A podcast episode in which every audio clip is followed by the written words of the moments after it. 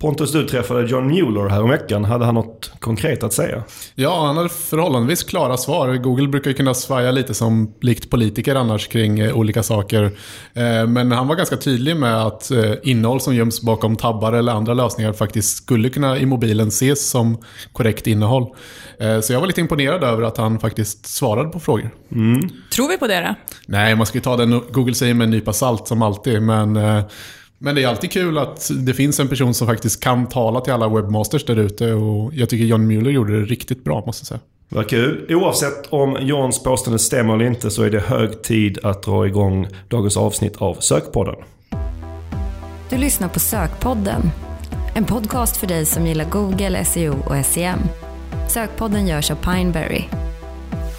Varmt välkomna till avsnitt 39 av Sökpodden. Mitt namn är Mikael Wahlgren. Idag är jag glad att ha med mig Maria Fernholm. Hallå. Och Pontus Karlsson. Hej hej. Våra tre ämnen för dagen är rankingdata för SEO. Sen ska vi prata lite rubriker och så avslutar vi med att jämföra Instagram och Facebook. Hur är läget med er idag? Ja, men det är riktigt bra ska jag säga. Ja, men det är bara fint. Jag har haft en hektisk morgon, men skönt att vara här. Mm. Skönt att podda lite, eller hur? Absolut. De senaste avsnittet har varit lite fokus på skandaler hos både Google och Facebook. Det här avsnittet känns i alla fall, i alla fall på förhand, som ganska skandalfritt. Hur känns det?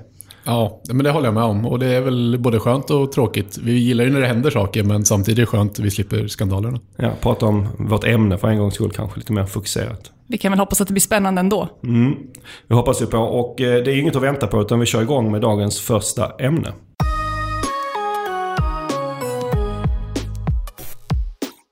Idag eh, ska vi börja prata om rankingdata för SEO. Och Pontus, vi kan väl börja lite med varför pratar vi om det här överhuvudtaget? Varför det är viktigt med rankingdata? Ja, men att se en sajt ranka på olika sökord ger ju ganska bra svar på hur det går med SEO i stort kan man ju säga. Och jag menar, det går inte att sätta in sina positioner på banken eller något, men så målet är ju alltid att generera mycket trafik som ska ge intäkter eller leads eller vad nu målet är. Men, men någonstans är ju det här grunden i att du måste ha en position på Google, du måste ha en rankingposition för att någonstans kunna generera trafik. Och sen måste du också tänka på att även om vi genererar trafik så kräver ju att du kan konvertera på sajten med hjälp av en bra produkt eller tjänst någonstans för att också kunna generera just den här intäkten. Så positionen är ju utgångspunkten. Ja, och man kan ju säga att målet med SEO ska ju helst då vara till exempel att någonting som genererar pengar. För det är ju det man kan sätta in på banken. Men om man jobbar med SEO då så är man oftast beroende av lite andra saker också för att det ska kunna bli pengar. Mm. Till exempel att sajten konverterar bra, att man har bra och intressanta produkter att sälja. Så ens ranking är ju på något sätt något, i alla fall ett, ett ganska bra bevis för hur bra jobb man har gjort SEO-mässigt. Ja, och hur det går och vad som, vad som fungerar och vad som inte fungerar. Ja, och för oss SEO-are så är det kanske det ultimata måttet i mångt och mycket för att av den anledningen att det är, ett, det är en sport vilken position du lyckas nå. Det är, mm. ju, det är ju som en tävling och det är det många av oss triggas av också. Mm. Är det bara första platsen som gäller för att du ska känna dig nöjd?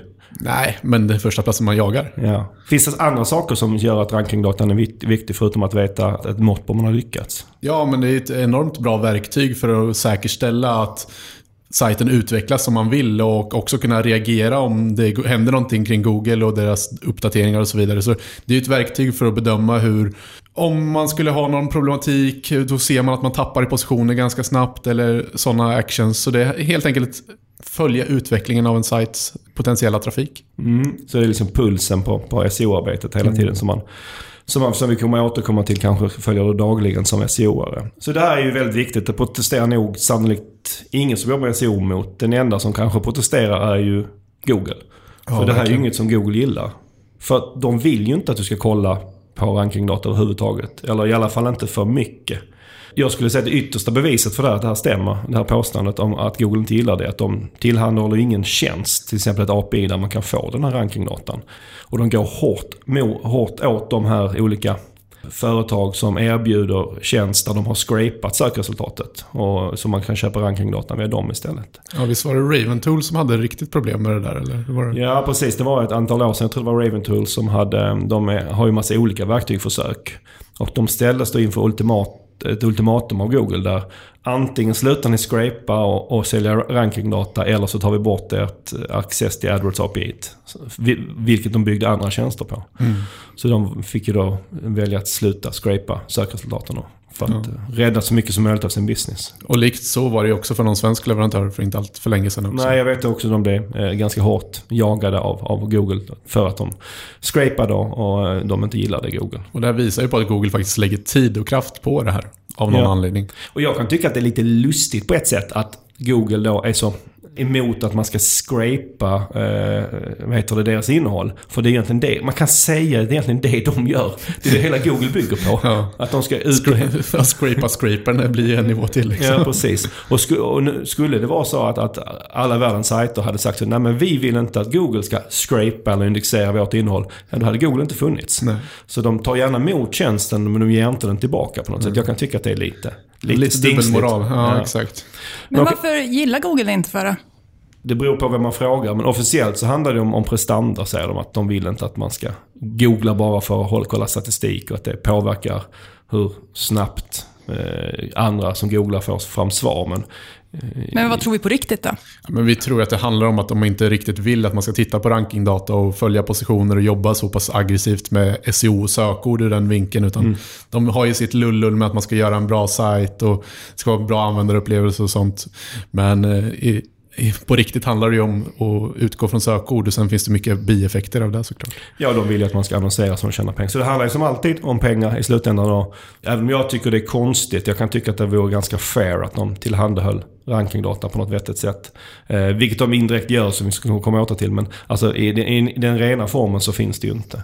Eh, men som alltid handlar det om pengar och rent ekonomiskt så är det här kanske ett, ett klokt beslut av, av Google. Det är inte alls omöjligt. Det- Vi brukar konstatera att det är ganska smarta människor som jobbar där så de har säkert tänkt till. Ja, det finns ju någon anledning till det som sagt. Va? Men vad Google har gjort, som du säger, kring det här med rankingdata, det är ju att de via Google Search Console tillhandahåller en form av genomsnittlig ranking på... Men allt det här med Search Console och sökanalysverktyget där i är ju lite luddigt i och med att de säger att det är beräknad data och vi vet ju inte riktigt vad det är för typ av data vi sitter och tittar på. Och sen får man ju ta det med lite nypa salt i och med att det är Google-information återigen. Så det är väl en utmaning kring det. Men jag tycker samtidigt att den är väldigt intressant. Men det har inte du riktigt samma åsikt som... Nej, vi pratade lite om det här innan. Jag är inte sådär jätteförtjust. Jag tycker det är en ganska dålig kompromiss att de tillhandahåller rankingdata som gör i Search Det är klart att det är bättre att de gör det än att de inte gör det som det var innan. Men jag, det kanske är för att jag är lite gammalmodig och har lärt mig att kolla på rankingdata på ett visst sätt. Att jag har lite svårt att ta till mig den. Dels för att det är genomsnittligt och dels för att du liksom kan inte själv bestämma exakt vilka sökord du följer. Och som du säger, man vet inte riktigt vad datan visar. Nej. Eh, Och så får man in ganska... På, det, på ett sätt kan det vara intressant, men du får in sökord som du kanske syns på, men som du inte är intresserad av att synas på. Eh, som kanske eh, får stort fokus i de listorna. Så jag tycker inte, jag tycker inte riktigt den datan eh, håller måttet. Men, men eh, Men det kanske inte är helt optimalt, men det är väl ändå någonting som vi brukar rekommendera att man har. abs- absolut, om man inte liksom jobbar dagligen med SEO så kanske det räcker för det dagliga bruket av rankingdata. Ja, för vad är alternativet annars? Ja, alltså alternativet är väl att det första jag brukar säga är googla för hand. det, jag, jag, tycker, jag gillar ju att googla för hand. Jag tycker det är väldigt roligt. Men det blir ju liksom... Det blir tröttsamt. Det är ohållbart i längden om man har väldigt många sökord. Nej, men och Google Search Console tycker jag är ett fantastiskt komplement om inte annat till just eh, rankingdata. Så jag menar, det, har man båda verktygen så har man ju mycket, mycket mer att jobba med. Ja. Men som sagt vad, skulle, om jag ska sätta upp ett nytt projekt och inte riktigt vill betala för rankingdata initialt så, så är ju Google Search Console gratis för att få en bild av vad det är för söktermer som vi faktiskt börjar ranka på. Då kan man ju börja lägga in dem i andra verktyg som vi börjar prata om så här strax. Ja, och gratis är gott ju. Men och alternativet till att, att uh, googla själv är ju såklart att man kan ju scrapa själv. Det, det vet jag att det finns vissa som gör. Men det är ju eh, extremt svårt. Vi, vi har ju utvecklarresurser hos oss och har haft det under alla år. Men vi har av egentligen olika skäl valt att inte ens ge- försöka ge oss på det. Dels för att det är någonting som Google inte vill man ska göra och då kanske det finns ett, ett område där man inte... Jag, känner vi, jag, jag har i alla fall känt att det är onödigt att utmana Google just där. Men det andra är att det är svårt. För att så fort sökresultatet ändrar sig så får du liksom justera din scraper för att resultaten ska bli bra och rätt. Och det här risken med att Google jagar det. Så, där, så det, det är inte jättelätt att göra det själv. Nej, och de är ganska bra på IP-blocka också. Så Google, så, det kan vi till och med märka på kontoret här ibland. att det, vi, vi googlar för mycket för att vi slår fram, slår fram de här captcha-koderna och grejer. Så De tror kanske att vi scrapar fast Ja. det är bara att vi googlar manuellt. vi, googlar manuellt för mycket helt enkelt. ja men vad är vi? Vi är nästan 50 anställda. Det googlas ju en del här varje Ja. dag ju. Ja, helt klart. Men ett alternativ är väl att köpa? Ja, precis. Och inte då från Raven Tools, för de säljer ju inte längre. men men, men det, det, finns, det finns ju såklart andra. Jag tror de vanligaste, de två vanligaste renodlade leverantörerna som, som jag tror används bland SEO i Sverige. Du får rätta mig om jag har fel på det. är väl Winshare och AVR, Advanced Web Ranking. Ja, jag skulle absolut gissa på att de två är de mest använda. Mm. Sen finns det ju ett antal fler verktyg, både internationella och svenska aktörer. Men jag skulle säga att de här två är de största. Och sen finns det ju andra verktyg som till exempel ARFs som vi brukar lyfta upp här som ett favoritverktyg. Till början när det gäller länkar, men de brukar, har ju börjat vidga sin portfölj av verktyg. Allt från att de tar in sökordsdata till att de även har nu rankingdata. Mm. Så det är möjligt på sikt. Än så länge känner jag mig jag, vet, jag har inte säkert på att jag så mycket grund för det, men än så länge känner mig inte helt trygg med kvaliteten i deras rankingdata. Alltså, jag tycker den är bra, men det är lite samma problem med typ ARFs och Sistrix och de här. För de har inte samma uppdateringsfrekvens. De jobbar mm. på ett lite annorlunda sätt. Så det sättet som vi är vana att få rankingdata är inte riktigt samma sätt. Det vill säga, daglig eller flerdaglig basis är vi vana vid medan de här kanske plockar med jämna mellanrum och då vet du inte riktigt vad, hur pass uppdaterad datan är. Så det blir som ett komplement på något sätt. Och man kan tillägga till diskussionen, vi, vi köper ju data idag. Vi kan, jag kan säga så att vi köper det via en, en, en API-tjänst och vi betalar en ansenlig summa pengar för det varje månad. När jag räknar lite snabbt i huvudet så kom jag fram till att ja, jag skulle bli inte förvånad om rankingdatamarknaden omsätter ett par hundra miljoner, kanske 500 miljoner per år världen över då. Nej, absolut inte. Och det här är då data som Google, eller data, det här är pengar som Google eh, tackar nej till. Ja. För hade de erbjudit en tjänst så hade ju alla köpt den där för att... Det hade ja, de... även om det hade varit lite billigare så, så hade de kunnat tjäna mycket pengar på det här. Menar, ja, precis. Men även om de hade, jag tror till och med att de kunde tagit ut ett högre pris. Ja, för, att, för att man vet att det här är från Google så att sannolikt att datan är korrekt ja. ökar. Men det känns ju som att de tjänar rätt mycket pengar ändå. Ja, det är ju peanuts för de här 500 miljonerna. Så det visar ju bara på att de, de gör ju det här för att de tror att, det kommer ge, tjäna mer pengar, att de kommer att tjäna mer pengar på AdWords. Ja, och det gör de Så det är väl ingen tvekan om det. Okej, okay. men om vi nu går till nästa del här av, av eh, rankingdatan. Hur ska man använda den? För nu antar jag att du får tag på rankingdatan på ett eller annat sätt. Hur ska du använda datan? Jag tänkte jag, jag kör lite frågor här. Mm. Eh, om vi eh, börjar med hur ofta behöver man datan? Räcker det med per vecka eller per månad eller måste man ha den per dag? Alltså det beror ju helt på vad det är för typ av aktör. För oss är det ju en självklarhet att ha det daglig basis. För jag menar, vi måste kunna följa upp våra kunder och, och göra det på daglig basis. Medan om du kanske är en webbmaster som sitter med du har inte möjlighet att titta på det på daglig basis. Då är det kanske veckobasis som är bra. Men jag skulle ändå vilja ha den på daglig basis och tillgå av den anledningen att du vill kunna reagera om någonting händer mm. väldigt snabbt. Jag kommer att tänka på en sak nu jag har inte tänkt på innan. Men räcker det daglig basis? Jag har aldrig sett någon som har det ofta. Men vad är det som säger att man inte har det var fjärde timme? Liksom? Ja, men jag, jag vet att en, en del, speciellt eh, internationellt, och, som faktiskt kör eh, ett par gånger per dag. Mm. Eh, och jag vet någon, eh, någon kund vi hade en dialog med som ville köra tre till fyra gånger per dag till och med också. Bara för att det var så mycket volatilitet i sökresultaten. Så de dialogerna finns ju, men, men oftast är ju utmaningen just med det här att scrapa och kunna hålla det tempot. Ja. Så du måste nästan scrapa själv om du ska kunna ha det. För jag vet ingen leverantör som gör det i alla fall. Men vad är syftet då? Är det att man ska kunna felsöka på timmen? Nej, men syftet någonstans är ju att det kan röra sig så mycket en del sökresultat under dagen. Att du kan ha position 3 en gång och 6 en gång och sen 2 gånger 3. Så du vill ha snittposition från dagen. Eh, mm. och då vill du veta varför vi har tappat trafik. Är det för att vi var sexa en viss tid under dygnet eller inte? Mm. Jag har fått fram en bättre bild och där kanske då Search har lite alternativ. För där får man ju någon form av snittposition i, i en viss utsträckning i alla fall. Ja, precis. Okej, nästa grej är eh, hur många resultat eh, vill man ha in liksom per, per googling? Är det räcker det att man tittar på topp 10? Ska man till topp 30, 100 eller 500? Mm.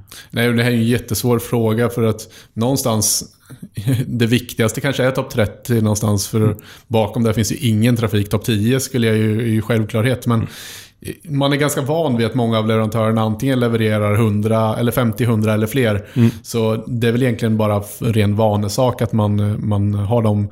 Så jag skulle säga runt 100 skulle jag vara nöjd med. 50 tycker jag är lite klent om man är på väg upp med en ny mm. sajt. Och den stora anledningen till att man inte vill ha obegränsat är att det tar ju datakraft. Du får göra fler slagningar oftast ju fler ja. data du har. Då är det kanske att betala för slagningen mellan 4 och 500 är Nej. kanske inte värt jättemycket. Nej men så är det ju. Och jag menar, det är ju någonstans, vi vill ju se data på någonting som faktiskt kan påverka och som är viktiga rörelser. Och bort mellan 3 till 500 så är det inga viktiga rörelser i princip. Nej.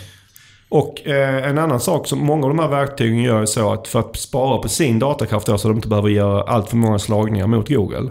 Eller scrapningar mot Google. Så vad heter det? Så istället för att titta på 10 resultat i gången som de flesta vanliga människor gör. Så tittar de på 100 för det är, det är en inställning man kan göra. Eh, är det ett problem? Gör det att datan blir lite sned eller? Alltså, jag har svårt att tro det, men, men man kan ju själv testa när du googlar och du slår på 100. För jag gör det ganska ofta. Jag har en webbläsare som jag kör 100 för att snabbt kunna söka efter olika resultat. Ja. Och jag tycker ibland att jag kan få lite andra typer av resultat, men det borde ju inte vara någon skillnad. Hur många här på kontoret har en, en egen webbläsare för 100 resultat? Är det bara du? Nej, men fem kanske. Fem? Ja, jag, jag var en bra idé. Jag har inte det själv, men det ska jag nog skaffa mig. Nästa fråga som kommer upp som, eh, som, som påverkar ganska mycket däremot om, om vilka resultat, det är liksom det här lokala. För det, det skiljer sig jättemycket var du googlar ifrån, det, vet, det, det vet ju alla om. Och, men om du säger, vi säger att du är Zalando. Eh, Du har och du, du, Zalando.se, du går mot den svenska marknaden. Eh, och du vill hålla koll på din ranking i Sverige. Ska du kolla på hur du rankar i Sverige? Eller ska du kolla hur du rankar på de olika lokala ställena? Alltså jag tror att det är jättesvårt att ha mycket datapunkter på lokalt, så jag skulle kolla på Sverige för att få någon form av genomsnitt. Sen är det ju så här, har man vissa regioner som är extra intressanta så tycker jag absolut att man ska ha lokala punkter också. Och kanske ännu mer om man, Zalando tycker jag kanske inte är så intressant för de är en retailer och det är e-commerce. Men om du pratar med en tjänstebolag som har lokala punkter i man kanske bara är fokuserad på vissa regioner, typ Stockholmsregionen eller någonting. Då borde du ha datapunkter därifrån egentligen. eh, För det är ju det som är mest intressant. Och det, det, mest intressanta blir ju när sökordet kanske är lokalt, det vill säga du, du har ord som mäklare eller liknande. Där du har väldigt olika resultat. Stockholm, Göteborg, Malmö, Sundsvall eller vad det nu är. eh, På en generisk sökning helt enkelt. Ja, för det är ju så. Det är ingen som googlar med Sverige som inställning, mer eller mindre. Utan man googlar ju med en lokal inställning. Så det är ingen som får de här Sverige... De flesta som tar, får data, rankingdata i Sverige, tror jag har Sverige som inställning. Skulle säga de absolut flesta. Det. Men det är ju ingen som googlar så. Nej. Men det är ju för att få ett genomsnitt någonstans. Eh, Ja. Vi, kan ju inte, vi kan ju inte ha alla datapunkter på alla städer i Sverige. Det, det är ju omöjligt. Eh, Nej. Men så, jag, jag vet ju för vår egen del så kollar vi ju på data från, från Stockholm. För att eh, det skiljer, även våra ord som SEO och sökmotoroptimering och så vidare. Som jag egentligen kanske inte tycker är så superlokala, men Google tycker det. Eh, det skiljer sig väldigt, väldigt mycket. mm. Jag vet att Magnus Braath uppe i norr ser helt andra resultat än de som sitter nere i Malmö och, och vad vi ser här i Stockholm. Liksom. Eh, så att det är eh, Ja, det är sjukt intressant att Google på lilla Sverige också gör sådana skillnader. Jag Mm. tycker ju att de gör fel på Sverige att göra skillnader. Speciellt för e-commerce sökord. Mm. Där de försöker lokalanpassa dem. Det blir, det blir väldigt tokigt. Så det är en problematik från Googles aspekt också. Sen en annan sak är att man får ju... eh, De flesta som googlar som inte googlar inkognito får ju personliga sökresultat. Där Mm. Google på, på något sätt som ingen riktigt förstår tar hänsyn till lite olika saker. Är det ett problem när man kollar på rankingdata? Alltså, det blir ju ett problem på ett sätt att de positionerna som är i rankingdatan är ju inte korrekta utifrån ett perspektiv att det är faktiskt någon som någon har ett annat sökresultat i sin webbläsare. Eh, och det som jag tycker kan vara mest intressant det är ju, du kan ganska ofta se att om en sajt haft en väldigt bra position eller väldigt, väldigt bra positioner under en, en period så kommer det hänga i sig i, i till exempel Search Console under en längre period. Av den anledningen att många har personaliserade webbläsare vilket innebär att har du klickat på en länk innan så anses den mer relevant på den här söktermen för dig. Ja. Och då kommer den fortfarande vara i toppen av ditt sökresultat fast den kanske ramlat ner lite. Så man kan liksom få en ihängande effekt även om du inte riktigt har de positionerna fortsatt. Och då, här kan man då säga att eh, Search Console kan vara ett ganska bra komplement då till traditionell rankingdata. För där ser du inte det. Där får du in- ingen känsla för de personliga Nej, sökningarna precis. och effekten av det. Nej, så det är ju därför det är väldigt viktigt helt enkelt. Sen kan jag också tycka att när man jobbar med SEO så kan man inte direkt påverka de personliga eh, resultaten. Alltså vad de blir kan man inte som SEO direkt påverka. Inte i alla fall direkt. Eh, Så att se på ett, result- ett neutralt resultat, att man följer rankingdatan för ett neutralt resultat, det är kanske ändå det mest rättvisande. För det är det du kan påverka. Ja, ja, absolut. Jag håller med dig fullt ut. Det finns ingen anledning att börja titta på det. Utan det är mer att man måste ha förståelse för det. Och förståelse för varför det i Search Console kan stå att du har position 3 fast du har 8. Och det kanske är för att du har haft 3 eller 2 innan och har genomsnitt som är något annat. När du kommer hit eh, Pontus på morgonen så en av de sakerna jag tror du gör, i alla fall inte alltid på morgonen kanske, men ofta på morgonen, är att kolla liksom vad har hänt under natten, rankingrörelser och vi har ju massa triggers för det. Mm. När blir du liksom lite nojig? När tycker du att en, en, en rörelse är en stor rörelse? Det är väldigt, väldigt beroende på vad du har för typ av positioner. Och vi har ju själva liksom ett system för det här och hur många positioner inom olika intervall. Men till exempel tappar man från 2 till 4 eller 1 till 3 så kan ju det vara en stor rörelse för att det påverkar trafiken ganska mycket. Mm. Men samtidigt så tappar du mellan 33 och 35 så är ju inte det någon stor rörelse för att det är väldigt lite påverkan på din totala trafik. Så två positioner kan ju betyda väldigt, väldigt stor skillnad beroende på vart i, i sökresultatet du är. Ja. Och jag menar, vi tycker det är rätt viktigt om man ramlar utanför topp 10 till exempel, eller om man håller sig kvar där. För som vi brukar driva med, och ni drev lite med i förra avsnittet, så är Ja. ju bästa sättet att döma, gömma ett lik på sidan 2 på Google, även om det inte finns i mobilen längre. Nej, riktigt. precis. Eh, Så jag menar, det beror ju väldigt mycket på helt enkelt. Om man har en, säg en e-commerce sajt så har man ju oftast enormt många sökord. Eh, och då kanske att oavsett om det är en rörelse från plats 2 till 4 så är det kanske inte hela världen. För att det är ett av sig 500 sökord. Hur ska man kolla på det då? För att det kanske inte man har möjlighet att sitta och komma, gå, gå igenom 500 sökord varje morgon. Nej, men så är det ju. Och man måste ju ha något form av triggersystem eller något genomsnittssystem eller någonting. Det vill säga, är det så att man har tappat mycket på någonting eller är det så att man har ett genomsnitt, det vill säga hur många sökord eh, har, eller vad är din genomsnittliga position? Alternativt att du har något medianvärde eller någonting som du följer. Men det kanske bästa, skulle jag säga, det är att följa hur många sökord du har. Topp 3, topp 5, topp 10. För det ger dig någonstans ett, så här, ett spelrum på att, ja, något har tagit, något har tappat. Men du har fortfarande koll på hur du förhåller sig i stort egentligen. Och har du mycket första positioner så borde du såklart mäta även första positionerna. Ja. Alltså om du har liksom 20 topp 3-placeringar så ser du dagen efter att du har 20 fortfarande. Det kanske inte är samma 20, men du har 20 då kan du känna dig ganska lugn. Liksom. Ja, och sen gäller det att tänka på vad man mäter för sökord såklart. För mäter du ett sökord med 10 i volym och ett som har 10 000 i volym så kan det ju ha en enorm skillnad på om du är trea på någon av dem. Så det är också ett, ett sätt att ta det vidare, att faktiskt bedöma vad du mäter för sökord. Jag kan tycka det här med att mäta ett genomsnitt eh, kan vara ganska bra. Men det man ska tänka på då tycker jag är att om man mäter ett genomsnitt och man har mycket, alltså rank, man tittar på långt tillbaka i sökresultaten, alltså upp till 500 ord som jag vet vissa gör. Vilket kan vara bra om man har möjlighet. Då kan snittet slå väldigt mycket. För att går du från plats 212 till 483 som kanske inte egentligen spelar stor roll. Så får det enormt utslag på snittet. Så i de lägena så så kan det vara klokare att kolla på ett medianvärde. Ja, men det ser man ganska ofta om man pratar med kunder och tittar på deras Winshare-konto till exempel. Där man ser att ja, sedan förra månaden så har vi tagit mm, tusen placeringar eller någonting. Ja. Eh, men det kan ju innebära att du har tagit från, eller nu tror jag de mäter till 100, men eh, från 100 till 50 på massa sökord. Men det är egentligen ingen större påverkan på din trafik av den Nej. anledningen. Det, det sökord långt bak som har hoppat. Eh, så det tycker jag är helt korrekt. i. Sen finns ju en hel del SEO-are, eh, kanske inte någon som sitter här eller eh, på det här kontoret, eh, men som är kritisk mot rankingdata. Att det är överskattat och till och med att det kan vara negativt för en SEO om man sitter och kollar på det. Håller du med om det? Nej, enkla svaret. Men har de Eh, någon poäng? De som... Jag, jag förstår det att man, det är lätt att stirra sig blind på ett eller få sökord. Jag menar, Mm. det är ju trafiken och intäkten och hela det vi börjar prata om som är Mm. målet. Och vilken väg du tar till det här resultatet, det är ju... Det är ju, spelar ju ingen roll, bara du hittar rätt väg och Mm. faktiskt får ut det resultat du vill.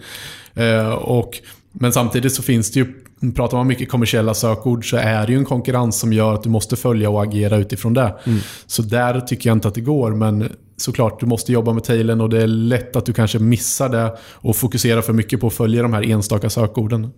Nej, för det kan jag känna igen ibland med, med inte, det är inte så jättevanligt, men det finns ju vissa kanske kunder som vi jobbar med som är, det är väldigt viktigt för dem av, säg kanske mer känslomässiga skäl, att, att de ska ranka på just ett sökord som är väldigt viktigt för dem. Och skulle de då tappa från plats 1 till 3 så är det end of the world. Men det kanske inte påverkar intäkterna alls. Och har man den typen av sökordsfokus så kanske inte det är det bästa.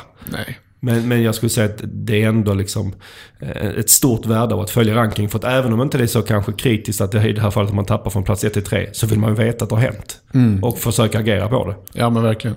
Ja, men det viktigaste är väl att man mäter både och, alltså rankingdata och intäkt eller trafik eller vad det nu är man vill ute Ja, efter. men man vill se korrelationen helt enkelt. Ja, precis. Vad bra, då lämnar vi rankingdata för idag och går vidare till dagens andra ämne.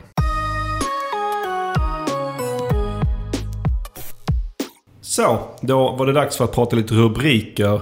Och rubriker är ju en av de absolut viktigaste elementen på en sida för SEO. Men hur viktig är den? Skulle vi säga att den är viktigare än titeln? Nej, jag skulle säga att titeln är det viktigaste objektet. Ja, titeln har vi pratat om också i tidigare avsnitt. Och nästa grej man kan jämföra med brödtexten som vi också har pratat om i ett avsnitt. Är den viktigare än brödtexten? Ja, jag skulle säga att H1 åtminstone är viktigare än brödtexten. Ja. Men utan brödtext så funkar det inte heller. Nej, jag- det, jag tycker den är lite svår den vad som är viktigast av de två. För båda är väldigt viktiga. Och jag, numera brukar jag säga att man får väldigt bra betalt av Google för en, en, en rik brödtext. Alltså framförallt i volym då. Och att den är bra skriven. Så jag tycker det är lite... Jo, samtidigt så har du de här e-commerce-casen där de faktiskt lyckas ranka med en H1 och sen bara produktinnehåll i princip. Så Ja. sen lyckas de kanske inte i samma utsträckning som de hade lyckats om de haft bra text med. Det vet vi ju inte. Så det är kanske lite... Det är ganska close call mellan, mellan rubriken och brödtexten vad som är viktigast. Ja. Eller man måste ha både och. Ja, det är ju det bästa såklart. eh, som du nämnde, H1. Det är ju den viktigaste rubriktypen. Och, och vi kan börja med några... Det finns ganska många eviga frågor upplever jag kring just H1. Som jag stöter på ganska ofta när, när vi utbildar. Eh, och den, vi börjar med en här. Det- Det är om man kan ha en eller flera. För i HTML5 så finns det ju stöd, tekniskt stöd för att ha flera H1. Ja, precis. Och jag menar, vår rekommendation är fortsatt att man ska ha en per sida. Och den logiken bygger ju på att i ett dokument så har du ju en huvudrubrik. Och det är alltid svårt för någon att förstå om eh, det här dokumentet handlar om fler saker, om du har fler huvudrubriker.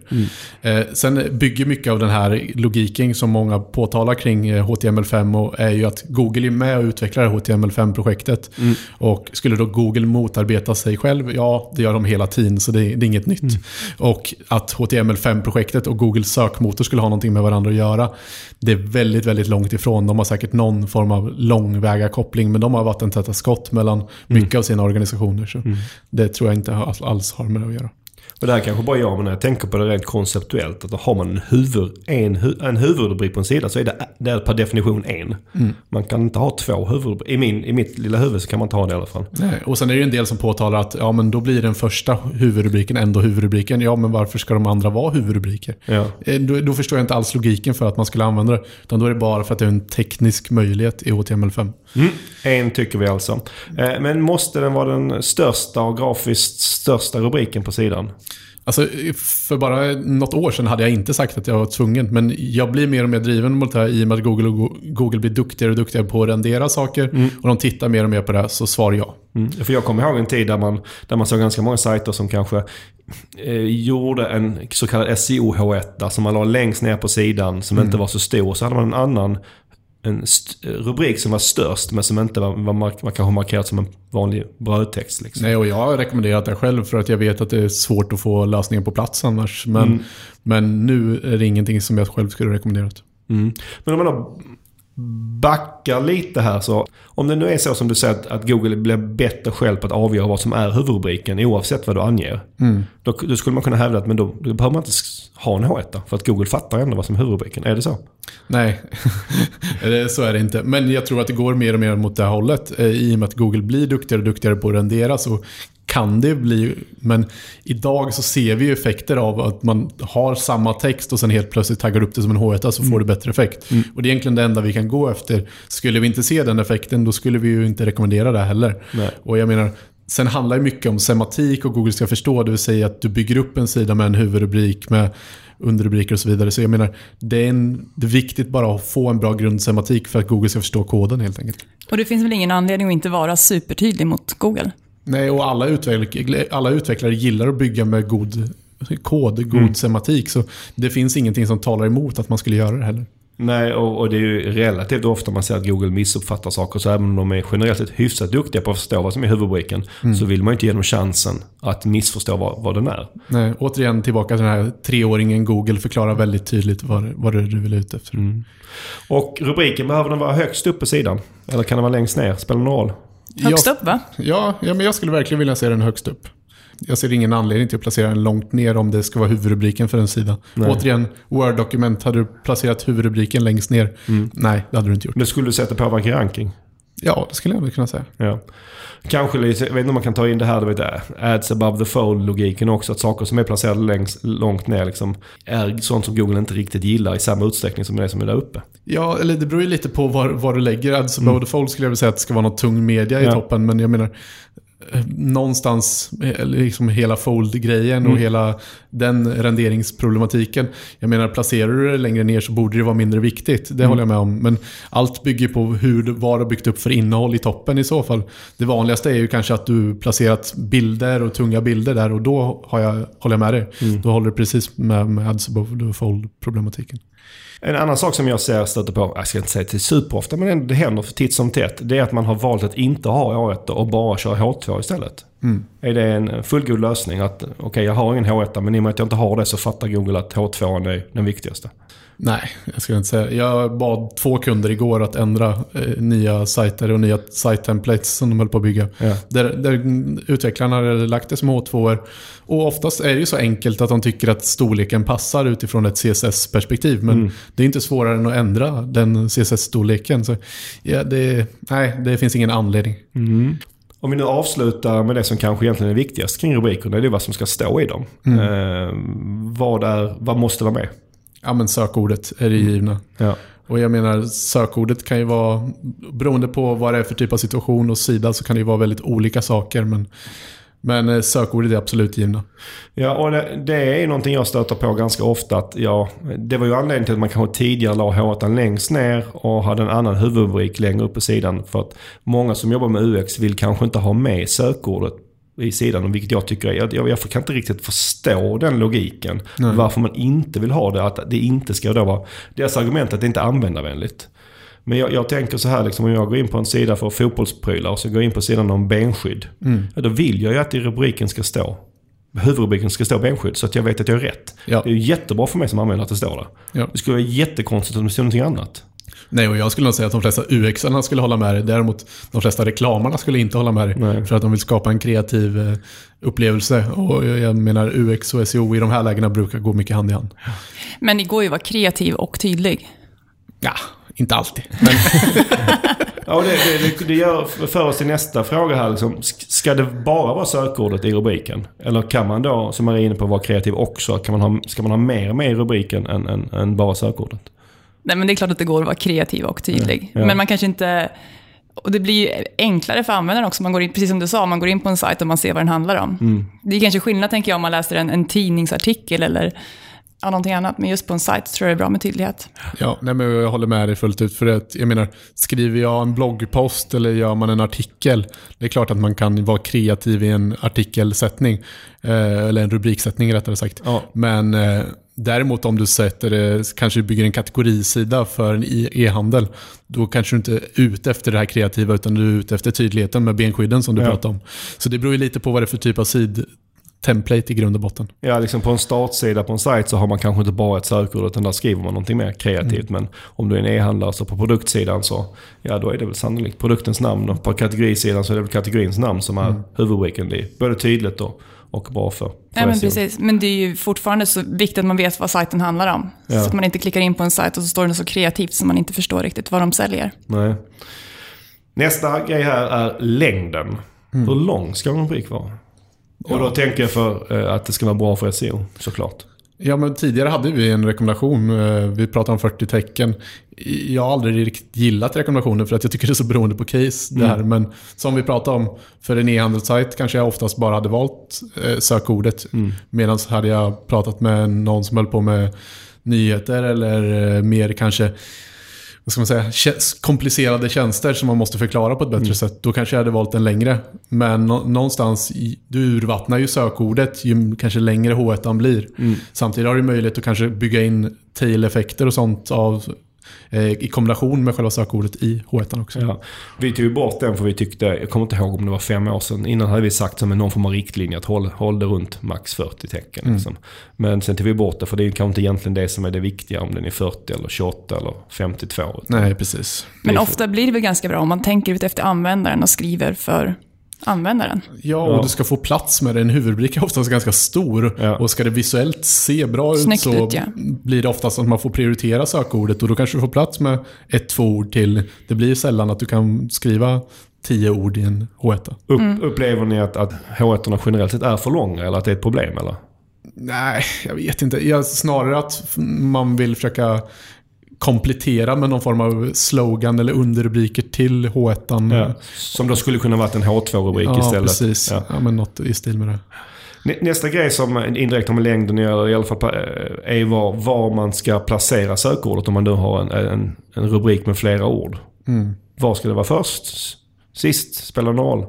Alltså det är lite baserat på hur lång den blir, men i, lite lik titeln så skulle jag gärna ha sökordet ganska tidigt i, för Mm. att tydliggöra att det är det som det handlar om. Men jag, jag tycker inte det är superkritiskt, men jag skulle ändå vilja ha det hyfsat tidigt. Så, men om, om rubriken består av två ord, så Mm. då skulle det spela ingen roll om det är ord ett eller ord två. Nej. Nej.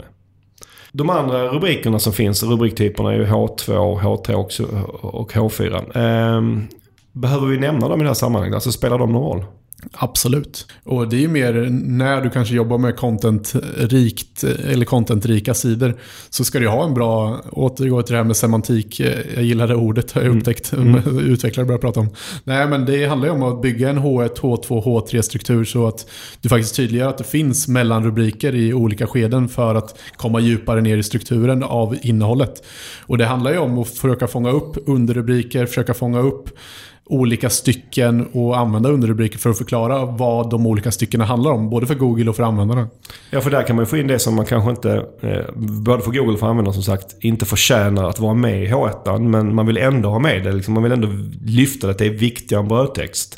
Det, det är då man använder de andra rubriktyperna. Ja, precis. Och det här är ju, det handlar ju bara mycket om att bygga upp och försöka förklara vad själva innehållet handlar om. För att handlar ett stycke innehåll om ett specifikt sökord så ska ju huvudrubriken vara det. Drar mig till minnes ett, en gång när vi använt en underrubrik för att påverka ranking där det, verkligen, där det fungerade. Det var att på vår sida på Pineberry där vi försöker ranka på ordet SEO och sökmotoroptimering. Så för ett antal år sedan, det här var nog tre, fyra år sedan. Så, som vi var inne på tidigare i förra ämnet så, så visar Google ganska lokala resultat här. Och det var en del byråer i Stockholm som hade snappat upp. Som la till Stockholm med sin titel och rubrik. Och då började de ju få för den mot oss. För att Google kände att det var väldigt tydligt att de här fanns i Stockholm. Och ranka upp dem just bara på Stockholmsgooglingar. Eh, På, på övriga googlingar så drabbades vi inte så att säga. Men vi kände att ah, vi vill inte ha med Stockholm i titeln och helst inte i, i huvudrubriken heller. För att vi, vi har ju kunder även utanför Stockholm och säger att man är i Stockholm. Det blir ganska exkluderande. Ja, upplevde vi. Så vi kände att nej, vi vill helst inte det. Och då tänkte vi testa att göra så här istället att vi skapar en, en H2-rubrik där vi säger att vi har kontor i Stockholm och så skriver vi en brödtext kring det. Och efter det så det, just det fallet så löste det då. Då fick vi tillbaka vår ranking för på något sätt så uppfattade Google då så att nu, ja men det här är också en Stockholmsbyrå. Utan att vi behövde använda H1 och, och, och titeln till det. Och det är väl ett jättebra exempel på hur man kan jobba med det. Ja, vad bra. Då eh, lämnar vi rubriker för idag. Och så går vi vidare till eh, dagens sista ämne.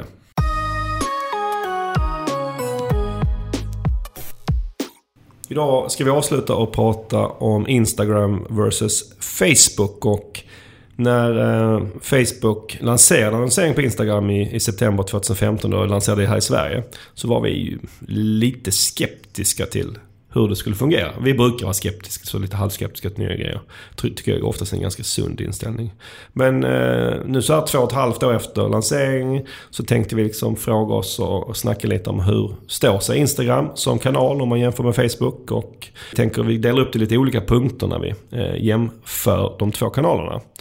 Och vi börjar med räckvidd. Hur ser det ut där om man jämför de två? Ja, där är ju Instagram fortfarande liten jämfört med Facebook. Ja. Instagram har ju 800 miljoner användare jämfört med Facebook som har 2 miljarder användare. Och det här är då, som alla förstår, över hela världen. Inte bara i Sverige. Eh, Nej, precis. om, om ni inte förstod det. Ja. Och, för man kan ju lätt få känslan att Instagram på något sätt är, jag ska inte säga, men det är mer populärt. Eller det, är i alla fall, det känns lite mer hippt och in än Facebook. Ja, men verkligen. Ja. Så känner man ju bara bland sina vänner, liksom, att de som är coola är ju på Instagram. Men det är fortfarande så att Facebook är mycket, mycket större. Ja, och, ehm, och de ju, har ju en bredare målgrupp. Ja. En intressant sak kring just räckvidden är ju att den organiska räckvidden Alltså hur man når ut organiskt är ju fortfarande ganska bra på Instagram. Ja, just det. I, I jämförelse med, om man får hårdra det lite, så kan man säga att för företag på Facebook så är räckvidden, den organiska, nästan icke existerande. Och vi pratar ju här om, idag när vi jämför de två så handlar det om att annonsera på Instagram respektive Facebook. Och en stor anledning till att man har börjat annonsera så mycket på Facebook är ju att det går inte att nå ut något organiskt. Men om vi nu tänker oss att det fortfarande går att nå ut på Instagram organiskt, betyder det att man inte egentligen behöver annonsera på Instagram? Nej, det, det skulle jag inte säga. Uh det diskuteras ju hur bra räckvidden är på Instagram också. Ja. Men, men den är ju i dagsläget bättre än på Facebook. Men eh, med det sagt så annonseringen tycker jag man ska mäta separat. Kan du annonsera och nå ut till relevanta målgrupper, framförallt nå ut till nya kunder och att det är lönsamt, eh, då ska du såklart göra det. Men det är viktigt att man mäter sin annonsering. Mm.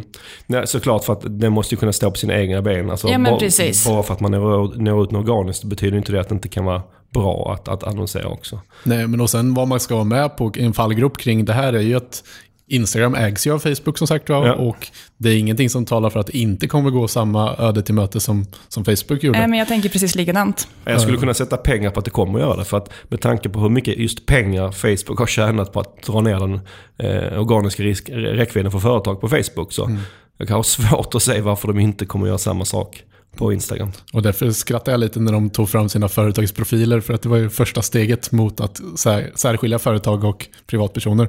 Och sen har de försökt ge ganska mycket verktyg i det för att alla ska flytta över dit. Men det kommer att handla om räckvidd framöver. Men man ser ju att Instagram har ju otroligt mycket mer annonser nu jämfört med något år sedan. Så det ändrar sig ju väldigt fort. Okej, om vi kollar lite på demografi. Vi, vi, vi börjar prata lite om att det är många fler på Facebook. Men om man tittar på de som finns på de olika två plattformarna, skiljer de sig på något sätt demografiskt? Ja, vi brukar ju säga att eh, Instagram är framförallt sta- väldigt starkt för de som är lite yngre, de som är under 30. Eh, Medan Facebook då har den lite äldre målgruppen. Där man kan nå ända upp till, ja men var ju upp till plus 65. Så Ja. det är väl egentligen hur, hur gammalt som helst. Men en sak som jag när man, jag tittar på den datan där som man, jag tycker det är lätt att lura sig. För det är lätt att säga att jag ska du nå dem under 30 så ska jag göra det på Instagram. Men det man inte ska glömma att det finns fler under 30 på Facebook än in på Instagram. För att Facebook är Så mycket större. ja. Sen är ju andelen av dem relativt sett större på Instagram. För att det är mest de som är där, men den to- totala mängden är ju större på Ja, Facebook. men precis. Sen kan man kanske tänka att eventuellt att det är en liten annan typ av människor som är på Instagram jämfört Ja. med Facebook. Ja. Men så vet vi att väldigt många använder både Facebook och Instagram. Och sen vet vi också när, efter, när vi jobbar med att, att om man tittar på den yngre målgruppen inom vissa till exempel intressen. Så kan ju målgruppen på Instagram vara större än den på Facebook. För att just de till exempel eh, intressen kring inredning, de finns i mycket större utsträckning på Instagram än, än, än, än andra. Så där kanske den totala målgruppen just där är större på Instagram, eller hur? Ja, men precis. Så man kan ju nyttja Instagram för att räcka ut till ytterligare en större målgrupp såklart. Ja, och sen ska man ju tänka på att målgruppen är ju också potentiella målgruppen, men det är också om hur mycket de använder de olika apparna. Så det kan ju vara så att, som du säger, att vissa målgrupper använder appen mer på Instagram-appen mer, fast de finns på båda plattformarna. Det gör ju att det finns fler potentiella visningar att nå på Instagram-appen till exempel. Ja. Ja, men precis. Och jag tycker ofta att vi ser att det är ett högre engagemang på Instagram. Alltså om man tittar på just de här inredning, skönhet kanske. Alltså att folk är mer engagerade. De tittar på bilder, de är intresserade av bilder och det är därför de är där. Om vi går till någonting helt annat, vi snackar priser, då kanske vi kan ta klickpriser. Hur ser det ut? Är det, är det, är det så att någon av kanalerna är billigare än den andra? Ja, alltså det går väl inte att säga helt hundra, men vi tycker ju att se att, att det skiljer sig lite grann. Och att Instagram i dagsläget ligger lite grann högre än vad Facebook gör. Där, skulle jag spontant, utan att ha sett någon data, eh, kunna tro att det är tvärtom. Varför då? Ja, för att Instagram är den nya kanalen. Annonsering börjar mycket långsammare. Det är inte lika många som annonserar. I och med att det är en auktion så borde det vara så att det, det märker vi på AdWords till exempel, att priserna sakta men säkert blir högre för att det är fler och fler som annonserar. Ja, just det. Mm, Och det, det borde rimligtvis vara fler som annonserar på Facebook än Instagram och då borde, kan man tänka, att priserna är högre på Facebook. Ja, och så där tänkte vi nog väldigt mycket i början med Instagram. Ja. Ehm, men jag tror att anledningen till att det blir lite högre är att vi ofta har en, en lite lägre klickfrekvens, CTR. Och annonserna tar ju fortfarande upp samma utrymme, så att på något sätt måste ju Instagram ta betalt. Ja, varför får man en lägre CTR? Ja, men det är nog ofta för att det är, det är svårare och alltså det är en mindre tydlig köpknapp, Ja. eller klicka här-knapp. Ja. Ehm, och på Facebook kan vi också lägga en, en länk ofta uppe i texten som ligger ovanför en bilden. Mm. Så att man har liksom flera möjligheter att klicka till eh, sajten. Mm. Men men det finns ju inte på Instagram. Och Facebook bygger lite på man, att man ska klicka på externa länkar eller klicka på länkar. Och Ja. det gör ju verkligen inte Instagram. Nej. Det är ju bara ett under att det ens går att klicka på länkar tycker jag känns som. Liksom. Ja, men det är ju, du får ju titta ordentligt om du ska hitta länken. Det är ju inte alls lika tydligt. Men okej, om man, så, så Instagram är dyrare om man kollar per klick. Men om man kollar på något annat, säg per visning istället då? Nej, men precis. Om man tittar på kanske räckvidden eller visningar, då tycker jag nästan att det kan vara tvärtom. Eh, och det talar lite grann för att man ska använda Instagram mer kanske som branding, att man får folk att komma ihåg varumärket. Vi har inte så jättemånga sådana kunder, så vi jobbar oftast mot att driva trafik till en sajt. Men eh, är man bara ute efter att få dem att komma ihåg märket, och sen kanske att man går in och handlar i en, en fysisk butik, då är ju Instagram vä- väldigt starkt inom rätt segment. För där kan du då få ganska mycket för pengarna. För du får, ganska, du får inte så mycket klick för pengarna, men du får ganska mycket visningar för pengarna. Ja, precis. Ja, men sen kan du ju lyckas kanske bygga den här alltså för målgruppen som faktiskt vill följa ditt brand och få den här organ- organiska räckvidden. Men höj då ett varningens finger för att om de kommer sänka den framöver så du inte investerat mycket pengar i att bygga likes om man säger så. Ja, men precis. Och lite tillbaka till det här också med att Instagram har ett, tycker jag mig se, högre engagemang. Och det är ju väldigt positivt om man bygger varumärke. Vi har redan tagit upp en skillnad här i, i själva annonseringen som mellan Facebook och Instagram. Det är ju det att det här med call to action, det är inte riktigt lika givet på Instagram. Nej. Det finns ju inte lika många eh, sätt man kan klicka ut. Instagram har ju alltid velat behålla trafiken inom sig. Och som du säger Pontus så har Facebook varit bättre på att skicka iväg den. Och innan annonseringen kom så fanns det ju inga. Man, man kunde inte ens lägga in, eller man kan fortfarande inte lägga in länkar i vanliga organiska inlägg. Utan man får ju lägga en länk i sin profil i så fall. Så de vill ju egentligen inte men de har väl känt sig tvungna på annonserna för att skapa något form av värde. Att man kan klicka sig ut för det. Ja, och man kan ju förstå att de vill ha engagemanget kvar. Men det är ju inte optimalt för de som annonserar. Finns det några andra skillnader som man måste tänka på när man annonserar? Eh, ja, jag kan tycka, just det här med budgetar har vi pratat mycket om tidigare. Eh, och i och med att oftast har vi färre användare på Instagram så får man ju vara lite försiktig där om man eh, kanske har en budget på Facebook och så jobbar man med samma målgrupp på Instagram. Då kan ju den ofta bli ganska mycket mindre.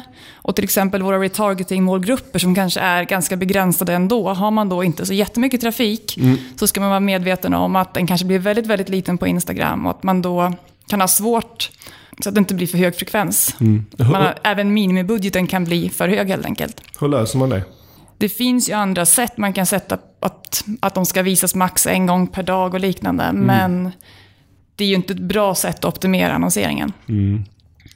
Är det några andra skillnader mellan hur man annonserar som du vill lyfta upp? Ja, det är väl tillbaka till Jan, det här med annonstexten då. Att på Facebook kan vi ofta bygga upp, vi kan förklara bilden med en tydlig eh, annonstext som ligger ovanför bilden. Och även ha en väldigt tydlig rubrik under bilden. Och kanske lägga någon länk som hjälper till att driva trafiken. Och den möjligheten har vi inte alls på Instagram. Där, där har vi en liten text under bilden, men den blir inte alls lika tydlig som på Facebook. Det är mycket svårare på Instagram att liksom förklara för, för användaren vad man vill att de ska göra. Nej men för visst är det så Maria, att det är ganska mycket mer, mer säljdrivande på Facebook än vad det är på Instagram i liksom kommunikation och allting också. Och det gäller Ja. väl även bildmaterialet? Eller? Ja, men det tycker jag också. På, på Facebook är det inte lika noga om man får säga så. Eh, man kan komma undan med lite sämre bildkvalitet, även om Facebook också nu börjar bli mer och mer att de vill ha bra bilder. Men där kan man ju vara lite mer säljdrivande och kanske ha liksom extra pris tydligt eller vad det nu är. Medan Instagram, där måste man vara lite finurlig, man måste ha snygga bilder, snyggt material och materialet måste tala för sig själv. Texten blir som ett komplement, men det är ingenting som, tror jag i alla fall, användaren läser. Och vi jobbar ju som, som sagt mest när vi annonserar med att det ska ge konkreta resultat. Att det vill säga inte branding utan försäljning. Och vi har ju en hel del kunder där, som det går väldigt bra för. Även på Instagram. Trots de här begränsningarna vi, vi, vi nämnde. Vad är det som gör att man lyckas på Instagram? Vad krävs för att det ska bli en, en, kanal som kan driva mycket intäkter? Nej, men det är återigen det här med att, att bilderna måste tala för sig själva. Att de måste vara visuella eh, och tydliga, tilltalande. Något som folk eh, verkligen vill titta på. Och det är ju vissa typer av branscher som passar här. Och det är ju designbranschen, skönhetsbranschen, arkitektur kanske man kan tänka sig. Mm. Men det är ju några få, eller få, det är, det är ändå ganska begränsat mm. vilka som, som passar in. Men med det sagt så kan man lyckas bra om man eh, är duktig, alltså man kanske tar bra kort och man kan göra en, en mindre attraktiv bransch spännande. Mm. Ja, men anpassa kampanjen mot målgruppen rakt av. Liksom. Ja, fast på ett, litet, på ett snyggt sätt. Mm. Så det bästa är om man, om man säljer väldigt tilltalande produkter eller tjänster som, är, som folk på, gärna tittar på och klickar på. Då kan man ju skapa försäljning. Det enklaste i alla fall ja. skulle jag säga. Så om man inte gör det, om man säljer en lite tråkiga produkter, gäller det att jobba ännu mer med att vara kreativ och hitta, hitta lösningar med bilderna för att det ska fungera. Ja men precis. Mm. Så, sammanfattningsvis då. Hur nu efter två och ett halvt år efter Instagram eh, lanserade annonsering här i Sverige. Tycker du att den har levererat bättre eller sämre än vad du trodde? Ja, men det skulle jag säga. Alltså, lite som du var inne på så var vi väldigt skeptiska i början och vi funderade lite grann på hur ska vi kunna driva trafiken utan ja. det finns några tydliga länkar och så vidare. Men vi har ju sett nu svart på vitt att det finns företag där det passar väldigt bra. Mm. Ja, och sen är det ju verkligen en intressant grej som precis har kommit. Det är ju det här med Instagram shopping. Tror du att det kommer komma till ads också inom en kort eller? Ja, det kan man ju spekulera i, absolut. Mm. Jag har svårt att säga att det inte gör det. Mm. Varför de skulle lansera en sån produkt bara organiskt känns mm. ju... Ja, det är första gången det går att klicka ut från ett organiskt inlägg på Instagram. Så de mm. går ju åt det hållet vi pratar om. Mm. Ja. Och det är säkerligen för att skapa större värde för annonsörer i slutändan. Som gör att de kan tjäna mer pengar. Ja. Och det är ju säkerligen jättesmart från Facebook och från annonsörernas perspektiv. Såklart. Vad bra, då eh, var vi klara med dagens sista ämne och det är dags att runda av detta avsnitt.